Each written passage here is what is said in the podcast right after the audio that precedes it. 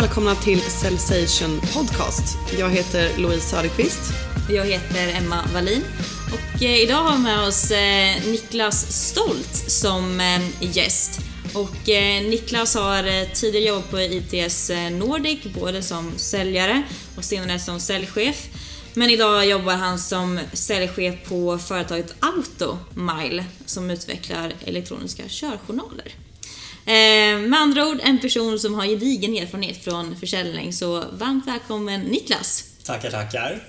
Hur känns det att vara här? Ja, men det känns helt fantastiskt. Kul! Mm. Jag har sett fram emot det här. Det ska bli superkul att få prata mer med dig kring försäljning.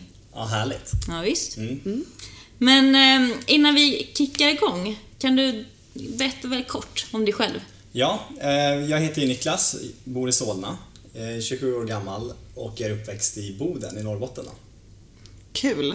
Så du är, du är inte stockholmare i grunden? Nej, verkligen inte. Kul med en annan dialekt i den här podden. Ja. Det har varit lite Du har enformigt. inte jättemycket norrländskt. Det är mycket som du har kanske... Har det försvunnit eller har du tränat bort det? Jag har inte tränat bort det. Det var en av mina största fördelar som säljare. Att ha den här norrländska skärmen i telefonen då, främst. Jag kan tänka mig det. Men det är lätt att det försvinner. Jag är själv från Värmland, så att det inte, jag har inte heller så mycket dialekt kvar. Det försvinner med åren. Kommer fram ibland. Nej, Ibland. Bara för att starta igång, om du ska berätta. Hur började din resa inom försäljning? Ja, alltså den, jag började jobba som, som fältsäljare där jag utgick hemifrån och sålde så här kontorsmaterial. Och det var alltså liksom allt från papper till plastfickor och pennor med företagslogotyper runt om i, i Norrbotten. Så jag lånade mammas bil, åkte hemifrån mitt pojkrum och eh, besökte företag för att sälja in de här kontorsartiklarna. Då. Hur gammal var du då? Eh, då var, det var direkt efter gymnasiet. Okej. Så, Så- bara knacka dörr, det var helt... Eh, alltså vi hade inte bokat möte någonting sånt innan utan det var direkt knacka på och... mycket canvasbesök och sen satt jag ju och bokade möten också. Och det var en jättestor skillnad i Norrbotten. För att det är väldigt lätt att boka möten i Norrbotten jämfört med i Stockholm. Men mötena går ofta inte ut på att sälja utan det handlar mer om att så här, ja men du vill ju komma förbi. Ah, så det är Så- ett mysmöte Ja, mycket mysmöten. Och på slutet där så fick man liksom säkerställa att de faktiskt ville kolla på någonting också så att man inte åkte i onödan till en annan stad och träffa dem. Okej, för det kunde vara så här, de bara, men vi, vi kan snacka liksom. Ja, ja. Ah, ja. Kan Ja, okej. komma hit och Precis. fika. Ja. Så det var jäk... det, det är väldigt annorlunda mot här då. Men, men då var jag ute och sålde de här kontorsartiklarna då. Så ringde ett rekryteringsbolag från Stockholm upp mig och eh, sa att det fanns en tjänst som mediasäljare som de tyckte att jag var aktuell för. Och då hörde jag inte ens ordet säljare, jag hörde bara media. Och såg liksom Stureplan, Stockholm och såg liksom min chans att, att, eh, att bli känd egentligen. Så jag flög direkt ner och hoppade på, eh, hoppade på intervjun och sen eh, kom jag ut till ett, eh, ett mediebolag och insåg snabbt att det här var inte det jag hade tänkt mig.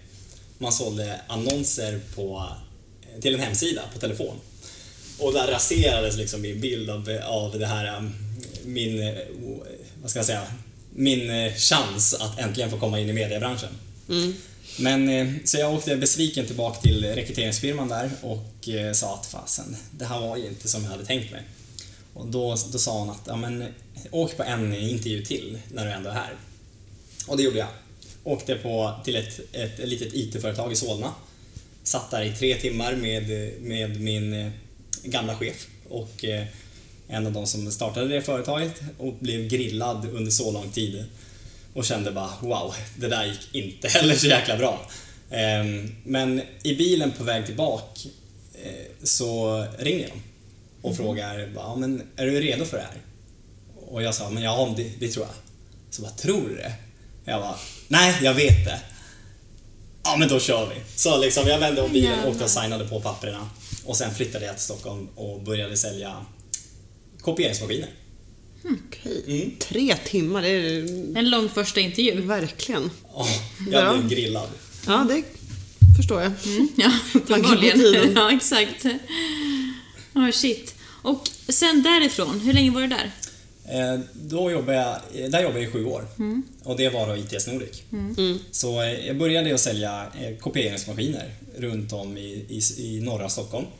Träffade företag, kallringde och hade ganska svårt liksom, de första månaderna att få till det. Mm. Vad var det som var svårast? Alltså, jag, jag fick ganska lätt in möten i början på grund av min härliga dialekt. Mm.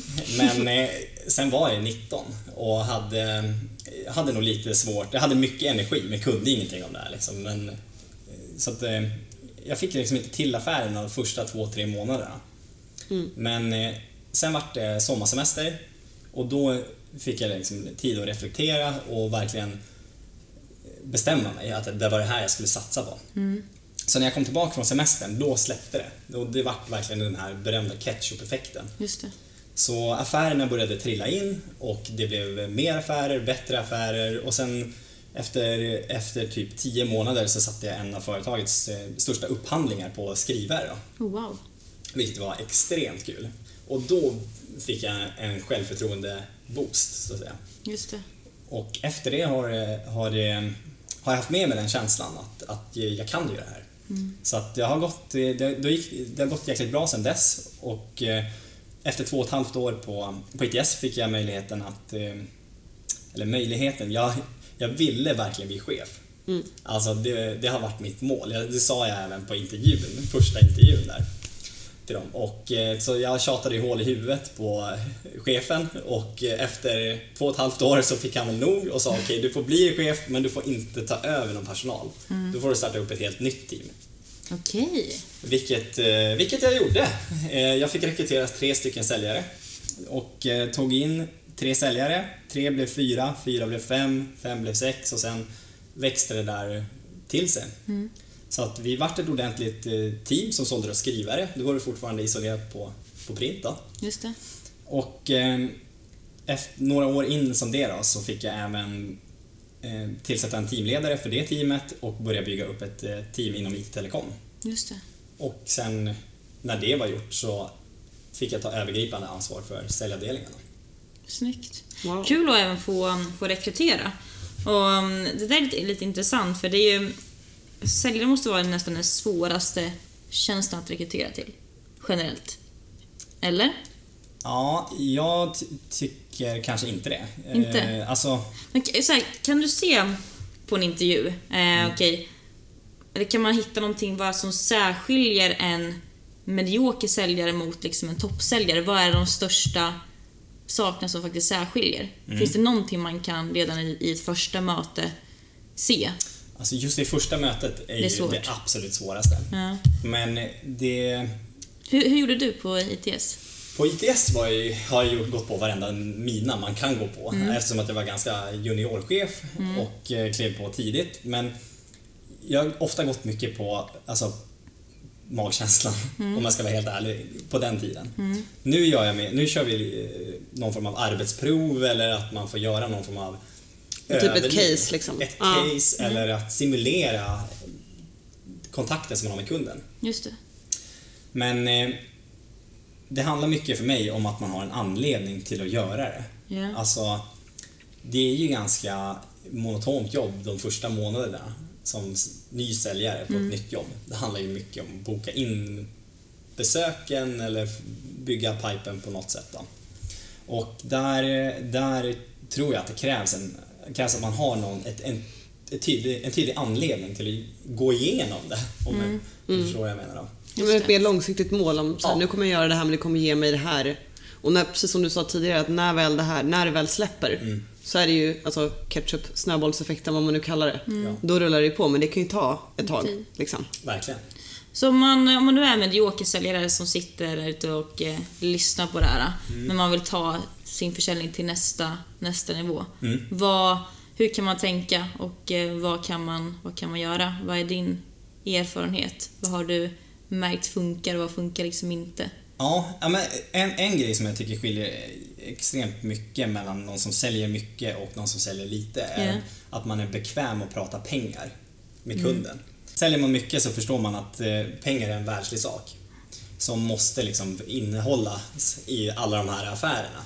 Och ju, mer, ju, bet, ju bekvämare man är att prata det, ju mer kan man fokusera på värdet som man faktiskt levererar också.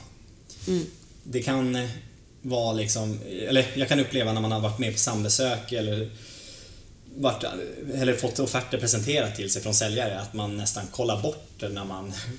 Man skjuter eh, ja, men här- här, kommer eh, listan, prislistan. Ja. Du kan, ja, jag fattar. skickar det är inte så confident utan det är bara... Ja. Eh, och jag tror att det är viktigt om man vill sälja mycket att, att, bli, att det är naturligt och bekvämt att prata pengarna. Och jag ta- antar också att det är väldigt tidigt skede och inte allt för sent i säljprocessen. Nej, Nej. precis. Och det är Eh, kanske det som är oftast problemet, att man drar ut på det för länge och börjar komma in på just de här sakerna, värde och Mm. heroin de här sakerna. Och då är det kanske svårare att stänga kunden. Jag vet Ja, inte. ja men precis. Och det, det, om man väntar med, pe- med pe- beloppet, Mm. att det faktiskt kostar också för länge, så eh, kan det liksom redan där kan caset vara kvalificerat fel. Ja. För att eh, det finns inte budget eller man är inte Exakt. intresserad av att betala den summan för den här Extremt tjänsten. långa processer. Då blir det väldigt långt för någonting som man skulle kunna kvalificera långt tidigare. Ja, just det. Eh, Sen utöver det, alltså eh, kreativitet. Alltså allt går att lösa. Frågan är bara om man vill och hur. Alltså har man med sig det hela tiden så är det ju lättare att sälja mer. Men den, en, en annan, eller den absolut största skillnaden som jag tror också skiljer en bra säljare mot någon som inte säljer lika bra. Det är passionen kring det man jobbar med. Alltså oavsett om man säljer eh, kontorspapper eh, så går det att hitta passion i det här. Eh, det, det är typ som om ni går in på en restaurang och beställer, beställer mat så kommer servit, servitrisen med tallriken och säger ja men det här är potatis och kött. Eh, så, kan, så låter det inte lika gott liksom, som om de säger att det här är smörslungad potatis från min egna bakgård. Den här kossan har jag stekt i exakt en minut och 20 sekunder i Ja, det är ju sant. svenskt smör. Liksom. Det, det, det går att hitta passion även om produkten inte är eh, s- Supersexy. supersexiga. Och det, där- det där går ju också hand i hand med det du sa om att våga prata pengar. För att säljer man en produkt som man är säker på och som man kan känna självförtroende i, då blir ju priset en, väldigt, alltså en bagatell att ta som en byggsten i processen. För man vet att det är en bra produkt och det kostar så här och det är så. Liksom. Ja. ja, men och priset är en faktor i varje affär. Det går att, alltså, om kunden inte är beredd att betala en viss summa så finns det andra lösningar. Det är sällan man bara har en produkt med ett fast pris som inte går att förhandla. Utan vill man ha affären kan man hitta ett sätt. Ja, Yes. så sant. Så vad- sa vi nu då? Vi sa passion. Passion, kreativitet och bekväm att prata pengar. Bra. Superbra. Eh, Du, eh, du, du är, ju, eh, är ju och har varit säljchef och du har rekryterat personal. Hur skulle du säga att man på bästa sätt bygger ett vinnande säljteam? Ja.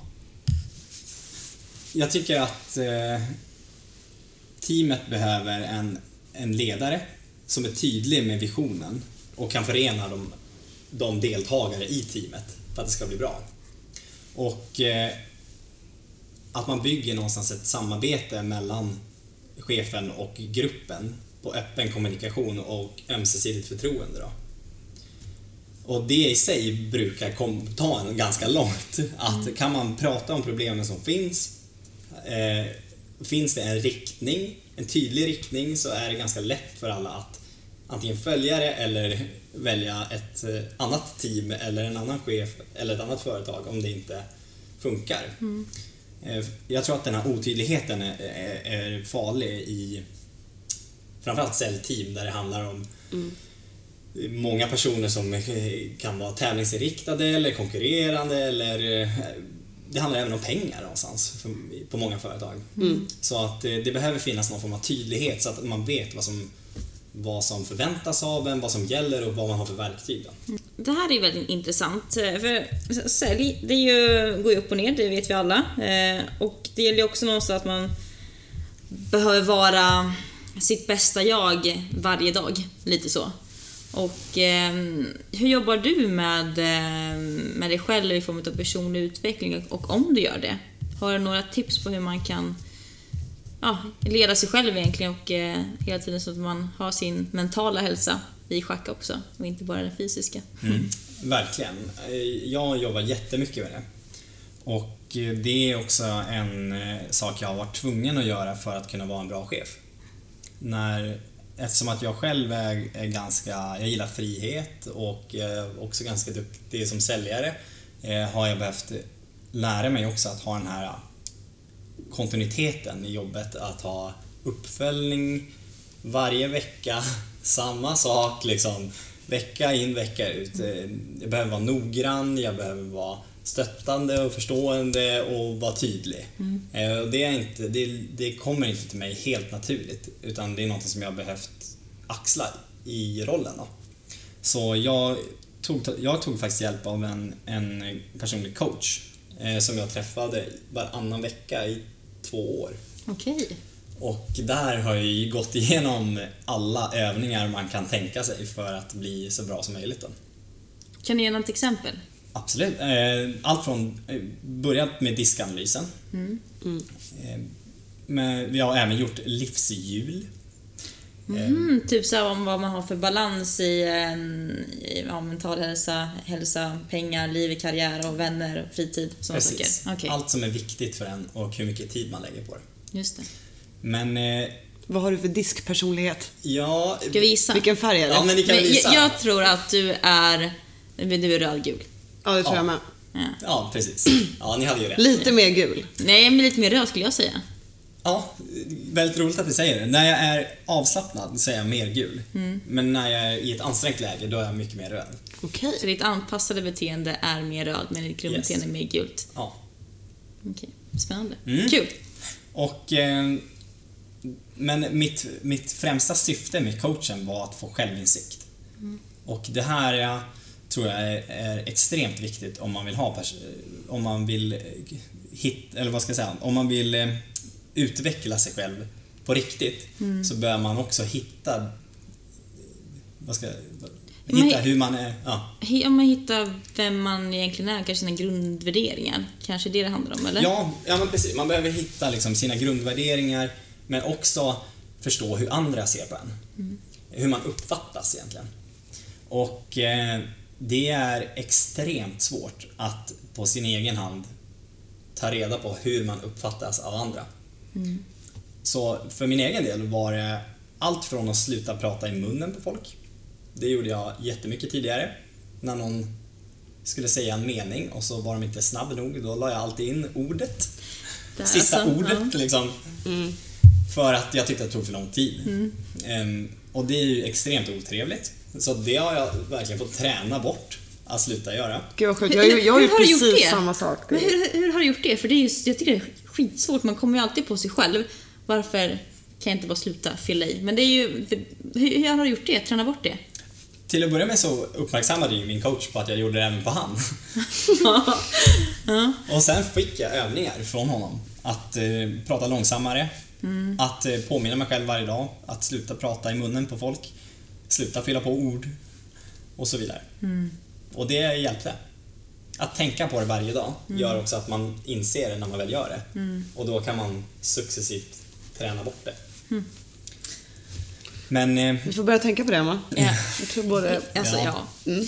Ja. Men, men, men när det kommer till liksom personlig utveckling så, så, så är det lätt att man, att man läser eh, liksom böcker, lyssnar på poddar, träffar inspirerande människor, går på föreläsningar och så vidare, och så vidare under väldigt lång tid. Men, men, men ingenting händer. Alltså det, det blir... Men Ja, kan det vara för att man själv kanske inte tar action och kanske utnyttjar de delarna till fullo? Att man tror att bara för att jag går på det här eventet så kommer det magic happen eller vad tror du? Likadant med att läsa böcker, att man, man läser en bok men sen när man har läst klart den så bara lägger man den åt sidan faktiskt inte börjar reflektera och skriva ner. Det kanske är det som man inte gör men som man borde göra för att faktiskt få eh, Nej, men, alltså, jag tycker att det är jättebra att göra de här sakerna och jag gör det själv.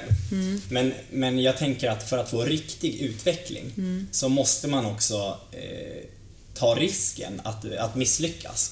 Alltså man måste gå och löna, löpa hela linan ut för att få riktig utveckling. Om man vill förändra sig själv till att bli en bättre version av sig själv eller eh, att ta det där steget och göra det här jobbiga. För att utvecklingen ligger ofta i det som är jobbigt. Alla vet att om man vill eh, ha fler möten kanske man måste ringa fler samtal men man, det är lätt att man hittar andra saker som det är fel på. Eh, Alla vet att vill man få större muskler så måste man lyfta vikter. Men det är lätt att man hittar andra saker istället. Så jag tror att, och det är samma med mentala saker. Vill man, vill man få riktig utveckling då måste man löpa eh, hela linan ut och sätta sig själv i situationer vart man, vart man faktiskt kan misslyckas också. Exakt, det kan, det kan gå åt helvete inte sagt. Men jag gör det för att jag vill så Exakt. jävla gärna lyckas med det här. Du måste upp och, och prata inför folk om du vill lära dig att föreläsa. Du måste ta de här jobbiga samtalen hemma ifall det är någonting som tynger dig för att lyckas på jobbet. Du måste prata med kollegan som, som irriterar dig om du vill få frid på, jobb, på kontoret. Eh, Det jag menar är att man, man, man måste liksom man måste löpa linan ut för att få den här riktiga utvecklingen. Det, det räcker inte med, med att bara bli inspirerad av andra. Nej, det är så sant. Det där är så synd, för vi lever ju verkligen i ett samhälle där det är lite tabu att misslyckas. Så jag tror det är det som gör att det är så många som inte ja, men startar det där bolaget eller eh, är så framgångsrika i vissa saker för att de är hellre att de är lite bekväma än att se sig själva att misslyckas. Jag tror det snarare handlar om att de är rädda för vad andra personer ska tycka och tänka. Typ, haha, men vad var det jag sa? Du, skulle inte klara det. Och man hellre då inte gör det. För att man inte vill ha och höra andras liksom, ja, Precis. buande. Ja. Lite så. Och jag tror att man, är- alltså man är uppfostrad fel från första början. Ja. Man- Jag säger skolan, den är ju också så här, redan där lär man sig att det är fel att göra fel. Exakt. Så. Ja. Och, och från de flesta som, som mig själv som kommer från liksom, arbetarhem, Mm. då, då har man inte det här, man, man har inte med sig att risk är någonting bra. Nej. Eh, och Trygghet och tjäna pengar Det ska vara trygghet och liksom, Mm. det är jätteviktigt att det är stabilt och går långsamt och, och att man tar sig successivt framåt. Mm. Och det är samma med personlig utveckling om man gör det genom böcker och poddar till exempel. Man, man kommer ju framåt, men det tar ju väldigt lång tid. Sen måste man agera och ta action och faktiskt göra. Man kan hoppa in i en stor kostym och lösa det också Ja. och få den här utvecklingen snabbare.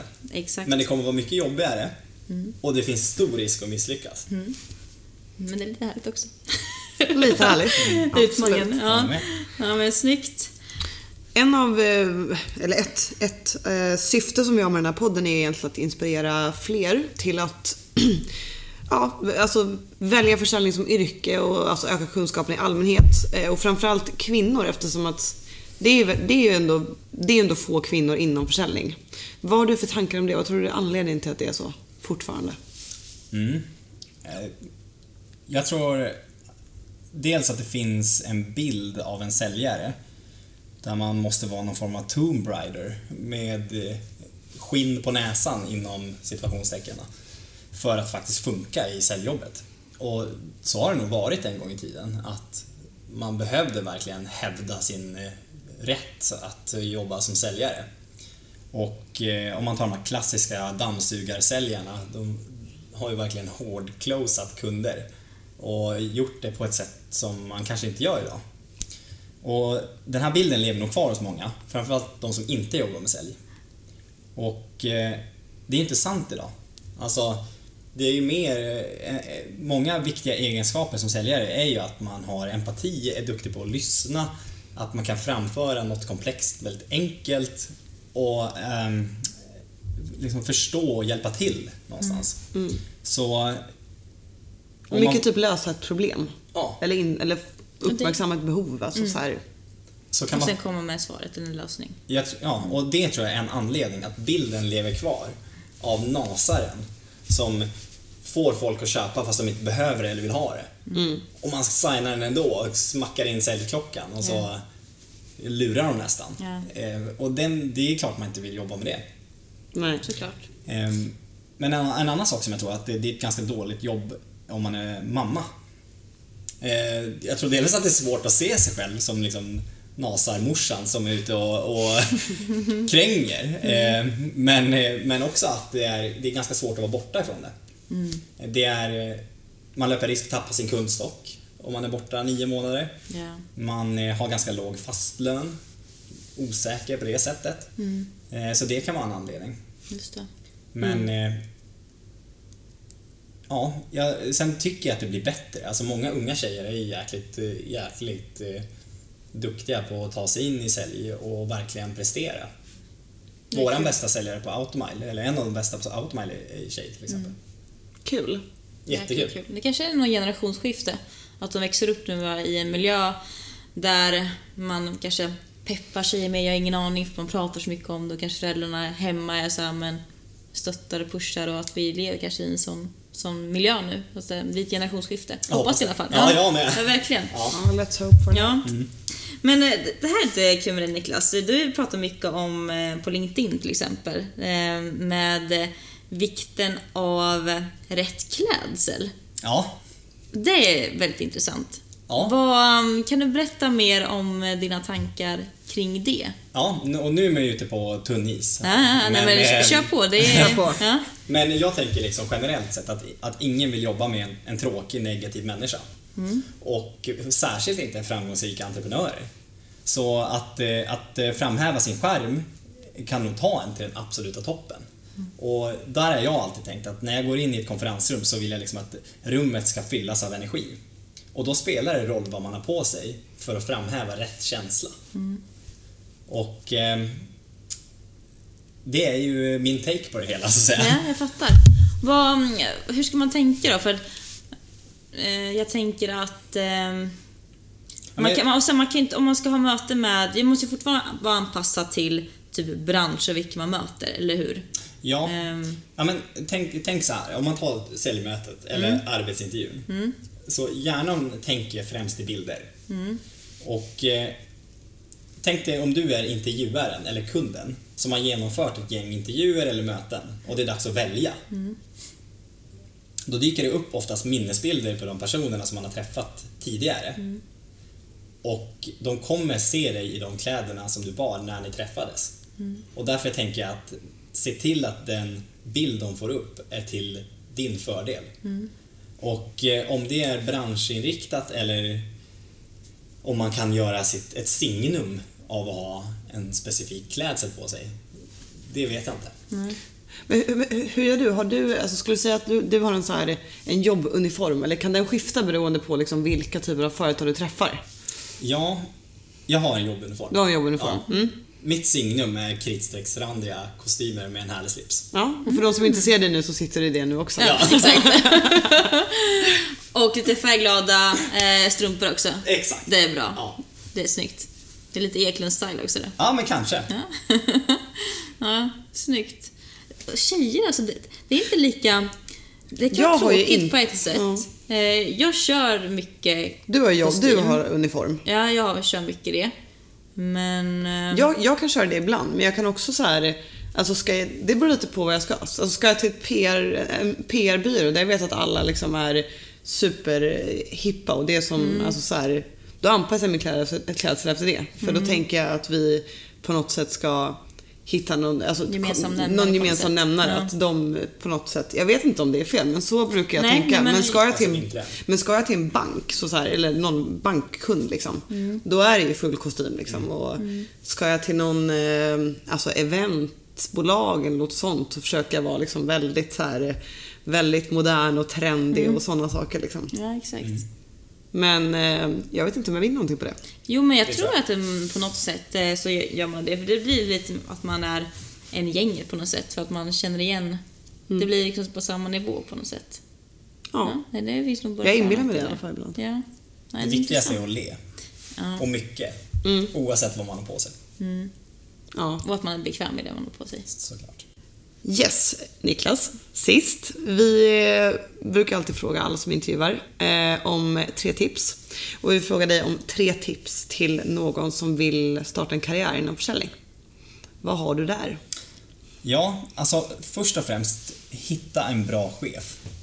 Och där menar jag på att man kan nästan bortse från produkter, företag och lön. Och istället hitta någon som man verkligen ser upp till och bara suga in allt man kan från den personen. Sen tycker jag att det är jätteviktigt att låta sin personlighet blom, blomma ut. Och eh, det är verkligen så, ingen vill köpa av en robot.